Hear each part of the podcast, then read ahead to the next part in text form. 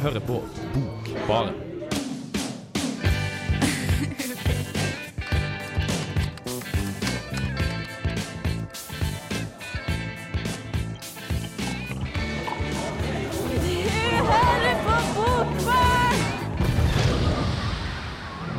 God ettermiddag og velkommen til denne spesialsendinga av min litterære gudfar, Charles Bukowski. Eh, vi skal prøve å framføre noen eh, om livet hans og om litteraturen. Eh, vi har med Kristoffer, som er meg, Ingrid, Vetle og Hanne Malene. Hallo. Hallo! Hva har dere med? Jeg har med eh, Bukowskis roman roman 'Factotum', eller to Totum. Jeg vet ikke, jeg har sagt feil kanskje på anmeldelsen min. Var det Totum man skal si, eller?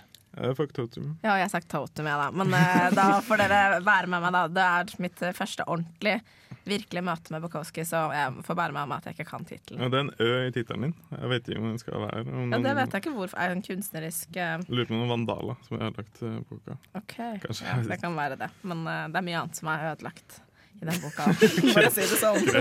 Noen som er litt på ja, det ikke går så bra med, men det får dere høre mer om. Ja.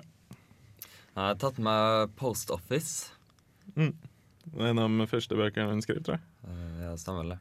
Eh, Hanne Ja, jeg har da med meg Ham on Rye, eh, som er den eneste boka jeg tidligere har prøvd å lese av Bukowski. Eller prøvd å lese på ungdomsskolen og hatet den totalt. Så jeg prøvde prøvd å lese den på nytt. Og ble overrasket eh, over hvor dårlig smak jeg hadde på ungdomsskolen. Eller jeg vet ikke helt hva jeg skal bli overrasket over. eh, hvor annerledes det var enn det jeg husket. Det var veldig rart. Greit å få litt sånn ny leseopplevelse av å liksom lese Ja, samme bok. det er greit å vite litt at man har kanskje forhåpentligvis utviklet seg litt, da, siden jeg var liksom 15. Det er litt digg. Veldig lurt og kult å vite. Ja, greit, å kjenne, greit å kjenne på. Jeg har med litt sånn, en sånn riff-raff av eh, ja, stemmen til Bukowski og en liten diktopplesning av Tom Waits. Han var også en stor fan av Bukowski. En annen person som var en stor fan av Bukowski, var Joakim Nilsen. Og det er en ting ikke alle vet. Men jeg har, jeg et bevis. Men eh, en av de upubliserte tekstene, eller sangene, til Jokke var et 'Her er mitt liv'. Der sin eh, jeg er så stygg jeg har lyst til å gre mitt ansikt. Og det er egentlig et direkte sitat fra Faktotum, tror jeg. Eller Post Office. Men uh, vi har fått eh, tillatelse av Jips, Jokkes eget plateselskap, til å spille hennes, eh, en av hennes første sanger som hun laga på prøvegymnas. Eller forsøksgym. Forsøksgym. Som er laga i, i lokalene der. Men jeg har en anekdote, en Jokke-anekdote. Vil dere, vil dere høre? Og alltid anekdoter, bra. Mm, Bakklandet før i tida brukte å være sånn skikkelig rønne. Det brukte å være som Svartlamoen. Så det passa veldig bra at eh, Jokke og Valentina spilte der. For de spilte på Bakklandet bok og kafé.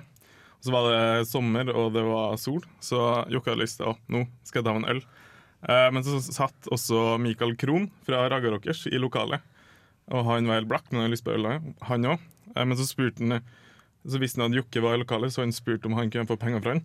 Så sa Jokke eh, nei, dritt å dra, jeg har lyst til å ha øl, så ja, det går ikke så bra. Men så ropte Michael Krohn av hele sitt hjerte Jokke, du er en mann uten ære! Og så sa eh, Joakim og du, Michael, er en mann uten øl. Så nå skal du høre på Selvdestruktiv av Jokke og Valentinerne.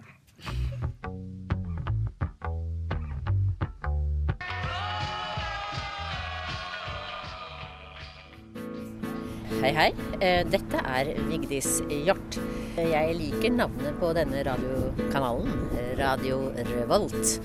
Hør på magasinet Bokbarn.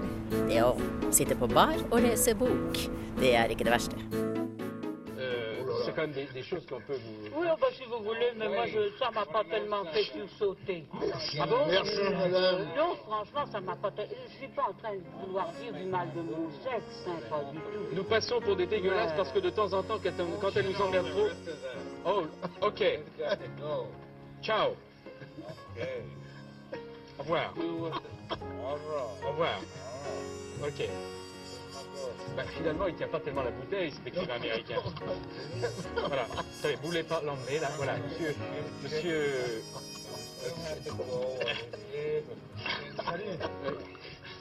Au revoir, monsieur. Adieu. Bye bye. What's your definition of love? Love It's kind of like, you know, when you see a fog in the morning when you wake up, before the sun comes out. It's just for a little while and then it burns away. Really?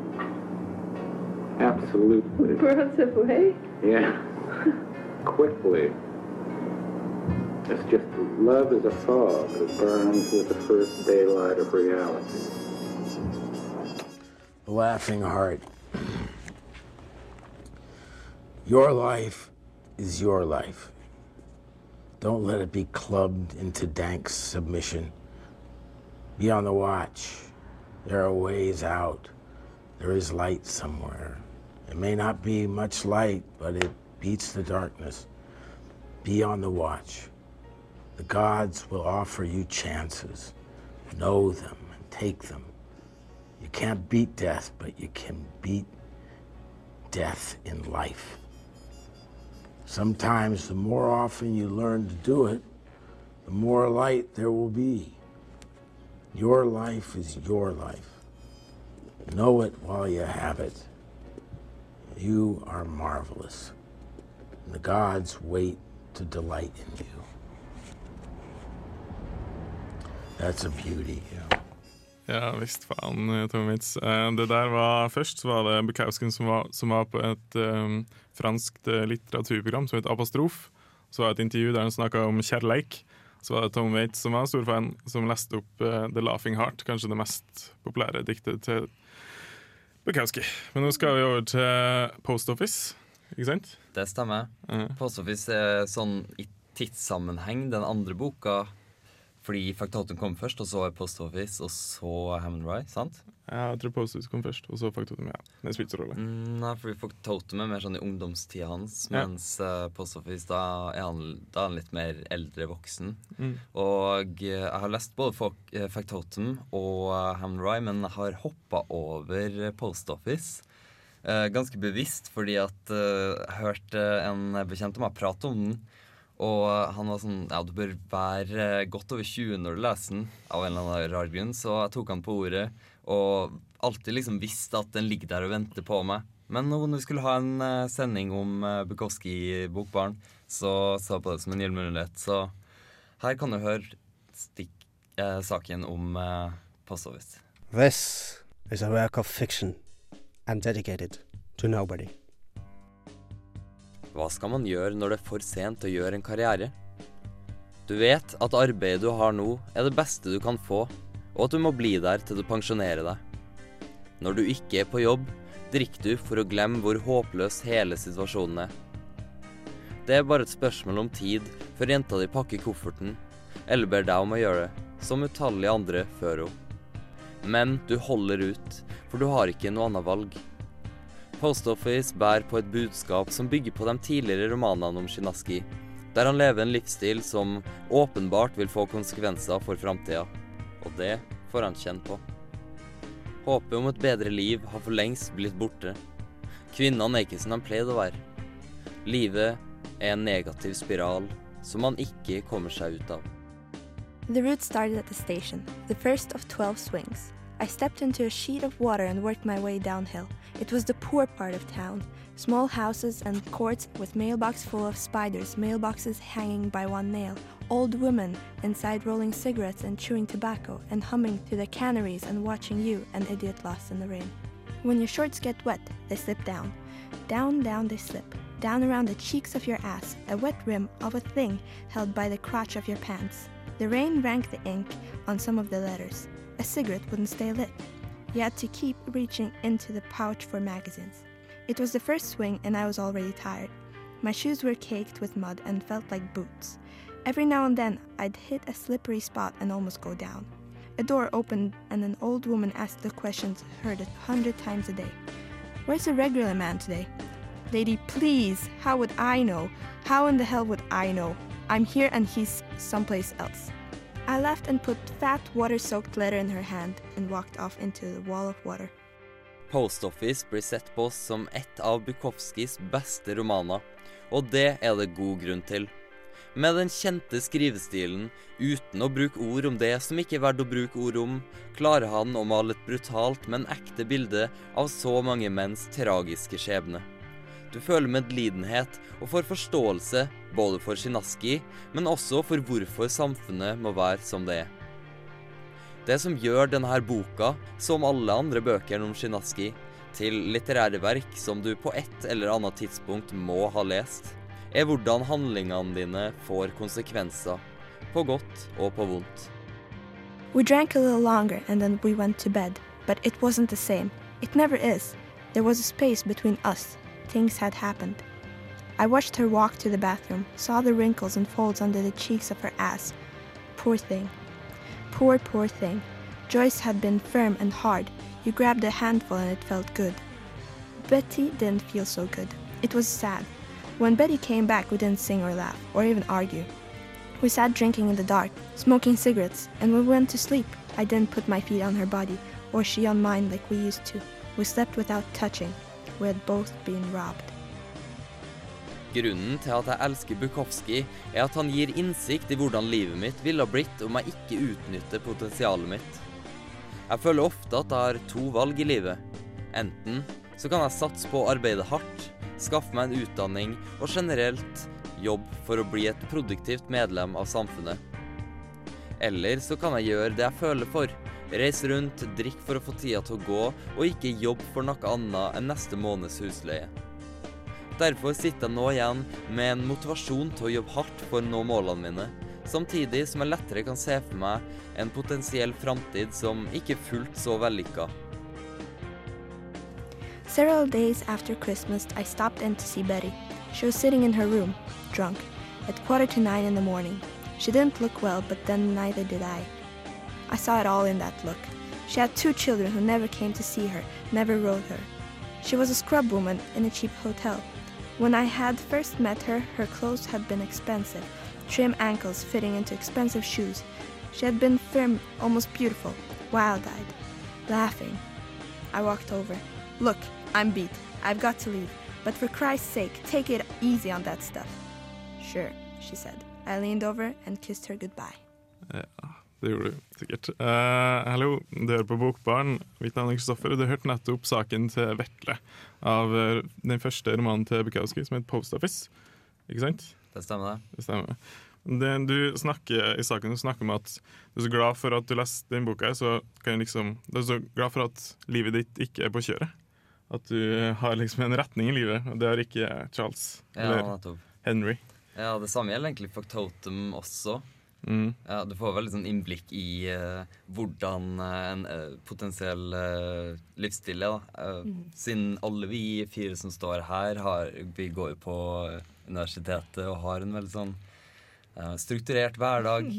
Mm.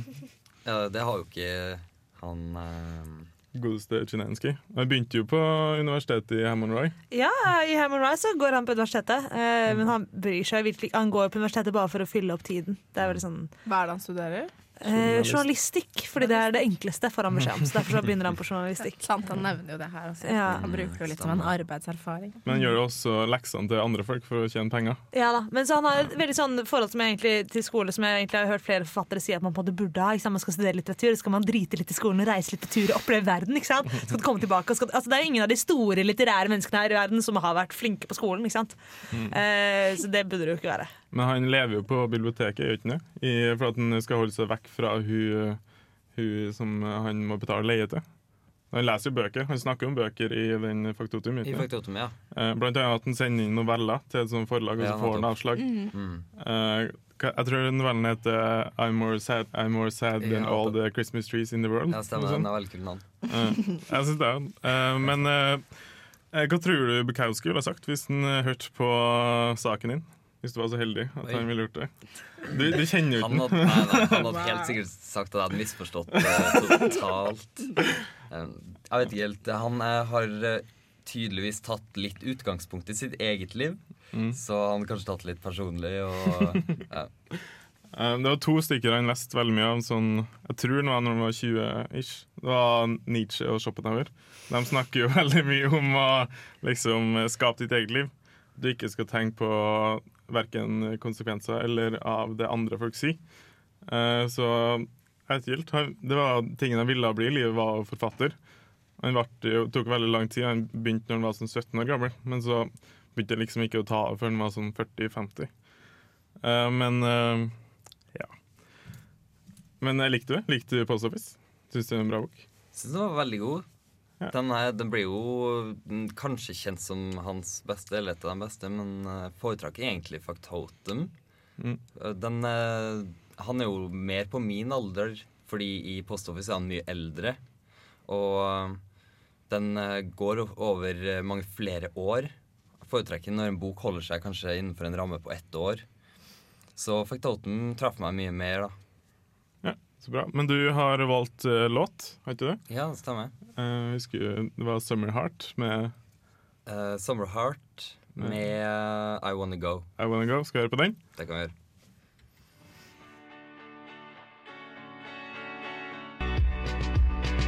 Jeg heter Anne B. Ragde og er forfatter. Og når man er forfatter, så hører man selvsagt på Bokbarn så ofte man har anledning. Visst faen, du hører på Bokbarn, litteraturprogrammet i eh, Radio Revolt, eller på Radio Revolt. Anne B. Ragde er jo en stor eh, fan av Bukowski. Når det var forfatternes valg, det var en sånn samling med bøker der blant andre Anne B. Ragde var med, så valgte jeg Post Office. OK. Ja. Ikke verst. Men du føler vel kanskje at begge skildrer litt sånn skyggesiden av samfunnet og litt Ja, mennesker som ikke har det så bra? stjal det litt. Ja. Kanskje fra. Bukowski, men de deler jo mye av den svarte humoren, kanskje. Ja. Men det er mye svart humor i Faktotum. Det er er veldig grov bok. Jo, det er en veldig grov bok. Og jeg eh, har jo alltid Jeg syns det er litt vanskelig med Bukowski, rett og slett. Altså, for jeg hører jo så mye positivt om ham, og jeg merker jo at at han har en sånn der måte å skildre ting på. Han er veldig sånn skitten, ja, skittenrealismen, eller hva man kaller det. Og han, han går jo rundt der og, og er på en måte veldig sånn kul og, og Jeg vet ikke, men jeg syns det er vanskelig, for jeg føler at det er ikke sånne bøker jeg jeg liker så godt. Men, jeg, men gir jo noe til meg likevel på en annen måte. Men jeg føler noen ganger at jeg liksom ikke er tøff nok helt til å løse det. At jeg liksom ikke greier å le nok av det. Jeg syns som bare er så usympatisk og så kjipt. Og, og, og så føler jeg ikke at man får ordentlig Nå sier jo Hanna til sin bok at det står mer om barndommen og og at det derfor kommer mer fram kanskje hvorfor han er som han er. Mens i min bok så føler jeg liksom at Jeg skjønner jo at han sikkert har hatt det vanskelig og derfor oppfører seg sånn, men likevel så føler jeg at det liksom ikke Han tar ikke noe tak i noen ting. Da. Han gir seg liksom ikke Han er ikke villig til å forandre seg for noen ting. Da. Bare går rundt og er så bruk og kast eller alt han møter og bare Nei, jeg syns han oppfører seg jo ikke på jobben eller ja, Nei, jeg vet ikke. Jeg syns han han er kjip, da. Jeg skulle liksom ønske at han greide å ta litt tak i seg selv av og til og riste litt i seg selv, da. Men ja. Men innledninga til Vetle sin eh, Post Office er jo uh, I write this book for myself and I, I, jeg dedikerer den ikke til noen andre. Er ikke det? Jo. Uh, så jeg tenker at han gjør det veldig mye for seg sjøl. Selv at det ikke er så mye Jeg skal ikke få så mye ut av det. Ja, også at han må liksom være hard for, å liksom, for at han er veldig alene. Er liksom, Mm. Det er han mot uh, verden. Og det føler jeg er veldig gjennomgående. Ja, Han greier jo veldig å være han mot verden og på en måte ikke la noen andre påvirke han så mye. Da. Og sånn sett så blir man jo ekstra Altså Jeg merka jo at jeg trodde først at nei, det her er jo bare sånn, jeg greier ikke å involvere meg i han og greier ikke å tenke som han i det hele tatt. Men likevel så får jeg Altså Han gir meg virkelig lyst til å prøve da å snakke med han og bare få han til å liksom bare Shit, du må bare reagere litt, liksom. Så jeg, altså Han har jo på en måte vekket helt andre ting enn det en trodde, da, på en måte. Så kommer jeg kanskje ikke til å lese masse masse av Bukowski, men jeg syns på en måte virkelig fikk jeg lyst til å ta tak i han. da For at jeg ser jo at han har potensial, det er ikke det, men at han Altså karakteren. eh, Men at mens han liksom ikke får tak på noe, da. Mm. Men eh, de tre bøkene som er valgt i dag, Hamray, eh, Post Office og Faktotum, er jo noe av det mest grove og harde. Han har Mm. jo sikkert 30-40 bøker med dikt, som er De er harde, dem òg, men de er også litt mer sånn myke og fine. Eh, Ja. Som The Laughing Heart, som er veldig sånn positivt, uten at det blir pretensiøst og prøver liksom tvinge på deg. Vær glad. Bare, det, han, jeg vet ikke. Jeg syns den er veldig fin. Det høres egentlig ut som en bedre kombinasjon for eh, meg, da. Så jeg burde jo utforske litt mer av Bukowski, da, men kanskje ikke så mye mer av denne serien. Eller jo, jeg, skal gi det en sjanse, ja. Mm. Men hva, hva syns du om eh, For at han skriver litt om å skrive sjøl. Det, det er jo en forfatter som er 20 år, Mm. som prøver å få noe utgitt. Eh, han blir veldig glad. Det er jo en av dem når han, prøver, når han får det ene Mm. Han får sånn svar fra et sånt magasin at eh, vi vil ikke ha de fire novellene du skrev, men den ene, den Ja. syns du er grei. Da, veldig, da hopper han nesten i taket. Og det er veldig deilig å se en sånn sann glede, for jeg føler ikke at han gleder seg noen ting. Eller det er sånn, Han har jo bra sex innimellom og drikker seg drita, liksom. Har det hyggelig nok, men det er liksom ikke at han kjenner på de gode, gode følelsene. Så det er så deilig å se at han virkelig blir gira, da. Um, ja. Men vi, skulle vi nevne hva tittelen var?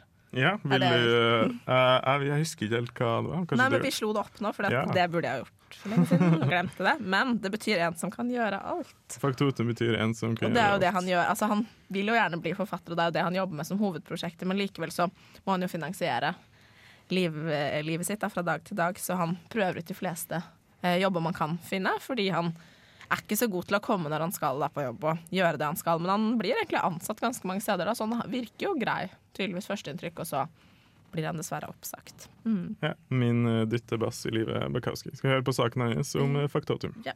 Faktotum fra 1975 er andre bind i Charles Bukowskis trilogi om Henry Shinaski.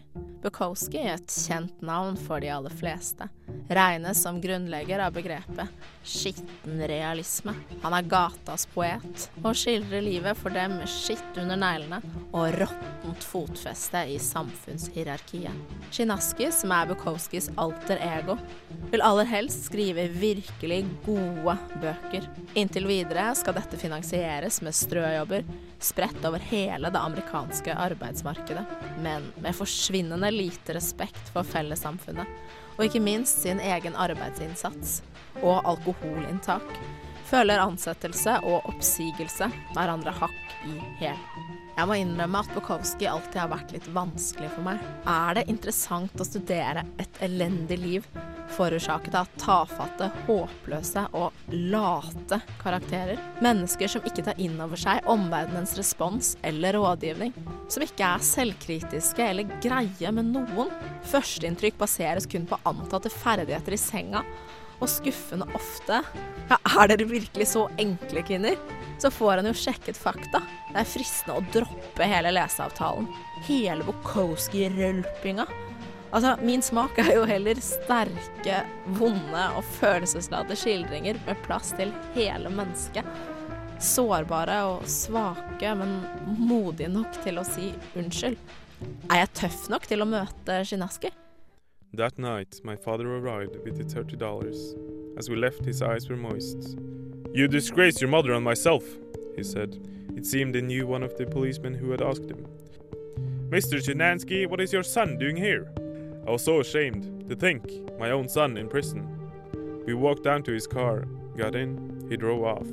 He was still weeping. It's bad enough you don't want to serve your country in time of war. The shrink said I was unfit.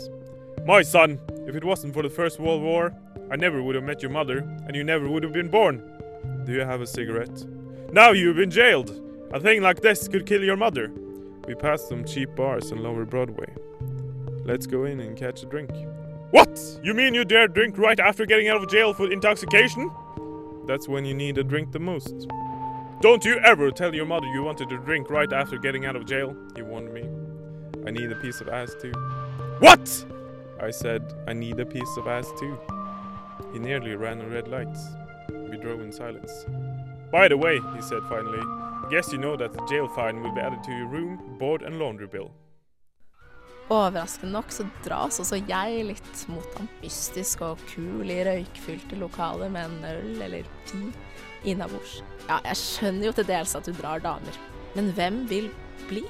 Det konkrete, kortfatta språket gir meg en god innsikt i Shinaskis skremmende tankesett. Han er et stabeist av de sjeldne. Ikke villig til å forandre seg eller vike for noen. Når han endelig møter en nokså oppegående, ålreit og bra dame, så reiser han jo bare videre. Han kommer dårlig overens med foreldrene sine, og de er jo ikke akkurat forståelsesfulle eller lette å kommunisere med. Men jeg skulle gjerne sett Bukowski vise meg hvor vanskelig han egentlig har det. Jeg sliter, og jeg har sjelden vært så sint eller oppgitt på noen, men likevel så maktesløs. Plutselig så viser det seg at den romanen jeg forventa tilnærmet ingen følelser fra, var den som vekka de aller sterkeste. Kanskje er Bukowskis Fantotum et viktig og verdig forsøk på å forstå mennesker som tenker helt forskjellig fra en selv. Hei, det er Pedro Carmona Alvarez. Du hører på Bokbaren på Radio Revolt. Du hører på Bokbarn på Radio Revolt, og du hørte nettopp Megan Trainer med All About Advice. Og det var du, Hanne Malene, som ville ha med deg. ja, jeg driver og hører på VG-lista Topp 20 veldig mye for tiden, ja, så da er det sånne ting som kommer. Men det passer jo bra for de bassen og de mørkere sidene i livet osv. Jeg kan dra den langt, jeg. Og musikkvideoen er å anbefale. Den er sykt Kul. Den er sykt Bukowski. Ja, Bukowski. jeg tenker på det med en gang. Det er de følelsene som mangler. Men du har lest uh, Hammond Rye, har du ikke det? Det har jeg gjort. Uh, og dette er jo da den siste boka i serien, men tar for seg de første årene av Henry Chinaskis liv. Uh, så jeg føler at han er sånn jeg tror det første stedet så er han liksom sånn to, eller noe, for da snakker han sånn om det første han kan huske. Og så til liksom andre verdenskrig bryter ut, da, hvor han er sikkert sånn rundt 18 eller noe. Mm, for Mora hans er tysk, og faren var en amerikansk soldat. Ja, så De møtte hverandre i Tyskland etter krigen, akkurat som Bukowskis foreldre gjorde. Så her har vi jo litt uh, biografistøff bakt inn, som uh, generelt kanskje gjelder gjennom hele Chinaskis uh, Det, her, universet. det er jo det her liksom det begynner. Og Han snakker jo om at en bestefar som er i Tyskland, som han får en sånn krigsmedalje fra første verdenskrig. Ja, Der er, bestefaren er en sånn alkis. Inne. jo, best, han bestefar som er alkis, og onkler som er litt alkiser, og etter hvert så blir han litt alkis sjæl også. Ja. Eh, men det er en veldig, eh, veldig fin bok. Jeg har som sagt prøvd å lese den en gang tidligere og jeg virkelig ikke fikk tak på det i det hele tatt. Så det var veldig deilig å på en måte få en sånn Nå må du faktisk bare lese på nytt, Hanna, for nå skal vi ha en Bukowski-sending. Så jeg var sånn, ok, vi prøver en gang til.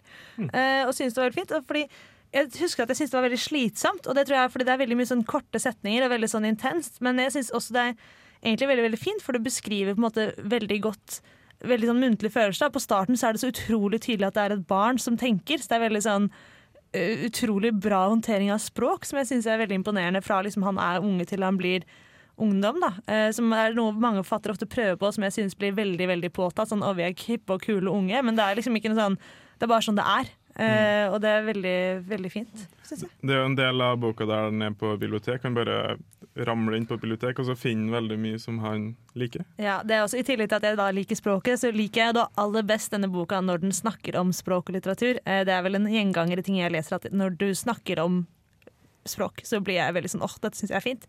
Um, så mellom alle de drittepisodene hvor liksom slår, han slår folk og blir slått ned, og da, han har ingen venner, og han bryr seg egentlig ikke, og faren slår ham, og alt er egentlig bare på tur, så går han på biblioteket, og så går han mellom hyllene og liksom tar ut bøker helt på måfå, eh, og på en måte oppdager språket. Da. Jeg har også tatt med et utdrag fra det i anmeldelsen min, eh, som jeg syns er veldig veldig vakkert. Hvor han sier, nesten, nesten snakker om hvordan det er første gang du, noen sier ting på en måte som gjør at du forstår det. Det er liksom nesten litt sånn underliggjøring. Det er måten du snakker på, på en måte oppdager verden på nytt gjennom språk, og hvor mye språk kan bety. Um, og han jobber jo også veldig gjennom dette her, for han har jo egentlig lyst til å skrive. Han får også en venn som har lyst til å bli forfatter, og jeg tror det er det Chinaski også vil, men han bare tør på en måte ikke helt innrømme det. Men han har en skrivemaskin som han går rundt og klaprer inn på. liksom det er på en måte det han gjør med mest inderlighet. Altså, som Ingrid også sier, at det er når han får den eh, novellen i Fektotum eh, godtatt, at han virkelig viser følelser. Og det er jo veldig tydelig at det er også her, det er på en måte her han, han søker jo tilflukt fra verden i denne litterære verden. Um, og det som synes han er irriterende, han viser ikke følelser, men nettopp i det så viser han veldig mye følelser. Og i denne boka så er det også veldig veldig tydelig hvorfor han har blitt sånn. på en måte. Altså denne oppveksten, og Det er ingen mennesker i det hele tatt som bryr seg om ham til grann. Så det er liksom totalt avsondring fra andre og følelser og alt mulig. Mm. Eh, så han blir liksom Og han er egentlig ikke så tøff, men alle bare ser på han som jævlig tøff, så derfor så må han på en måte bli det. Læreren er sånn 'Å, men det er holdningen ting. Det er holdningen din, det er måten du snakker til oss på.' Og så behandler de han som en drittunge, ikke sant? Og da blir han på en måte de facto en drittunge.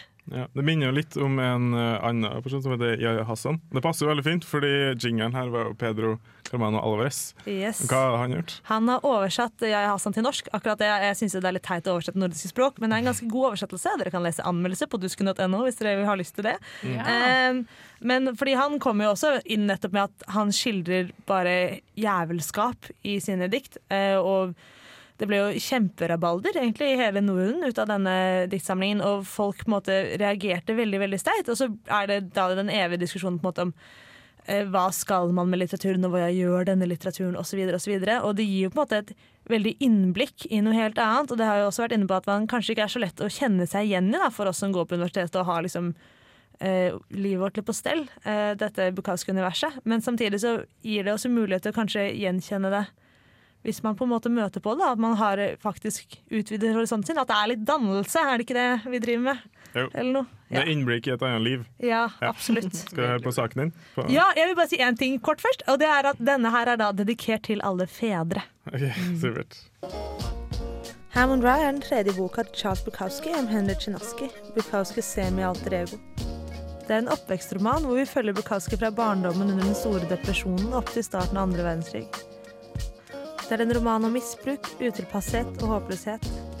Det er fattigdom og slagsmål, men det er også oppdagelsen av rusen, en flukt som aldri kan vare lenge.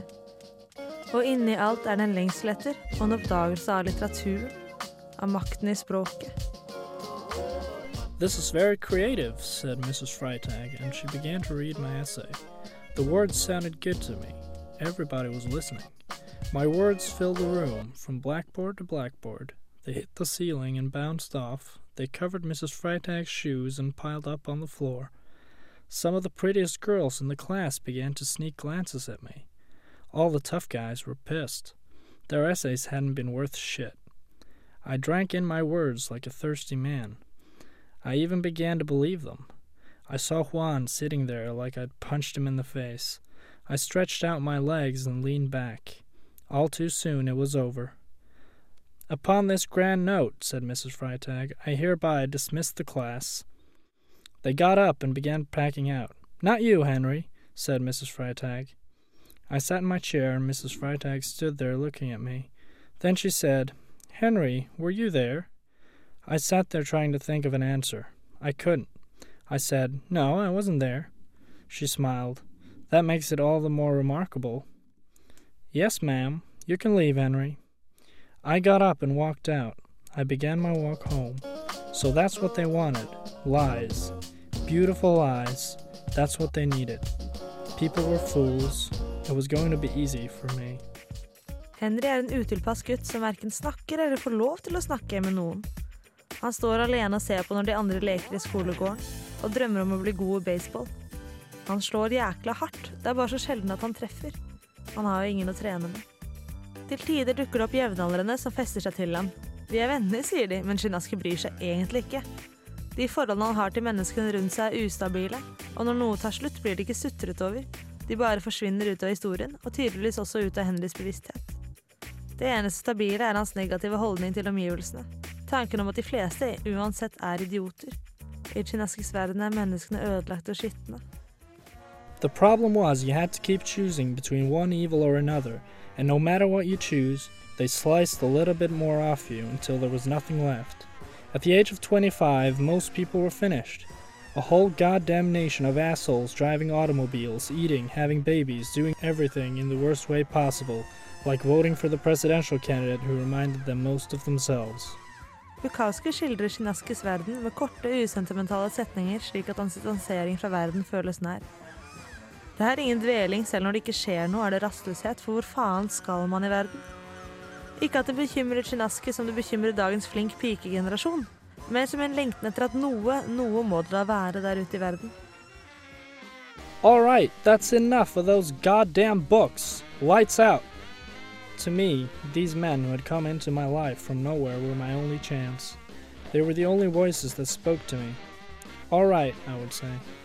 Then I took the reading lamp, crawled under the blanket, pulled the pillow under there, and read each new book, propping it up against the pillow under the quilt. It got very hot, the lamp got hot, and I had trouble breathing. I would lift the quilt for air. What's that? Do I see a light? Henry, are your lights out?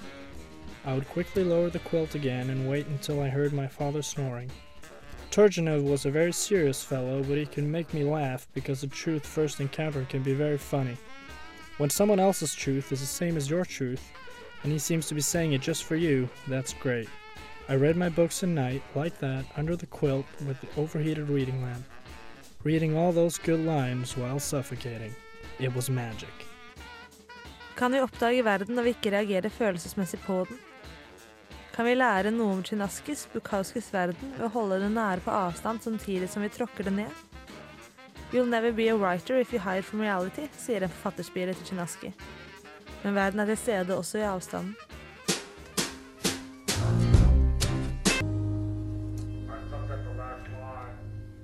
Det der var Modest Mouse med Bukowski, og det er Bukowski-sending her i Bokbaren på Radio Revolt. Vi har da snakka om tre bøker. Post Office, Faktotum og Hammond Rye. Eh, det er da en samling, eller ikke en samling, men det er tre bøker som handler om samme person. Henry Chenensky, Mm. Hammond Rye, som handler om Som handler om eh, barndom og oppvekst. mm, Ja. Og så er det faktotum.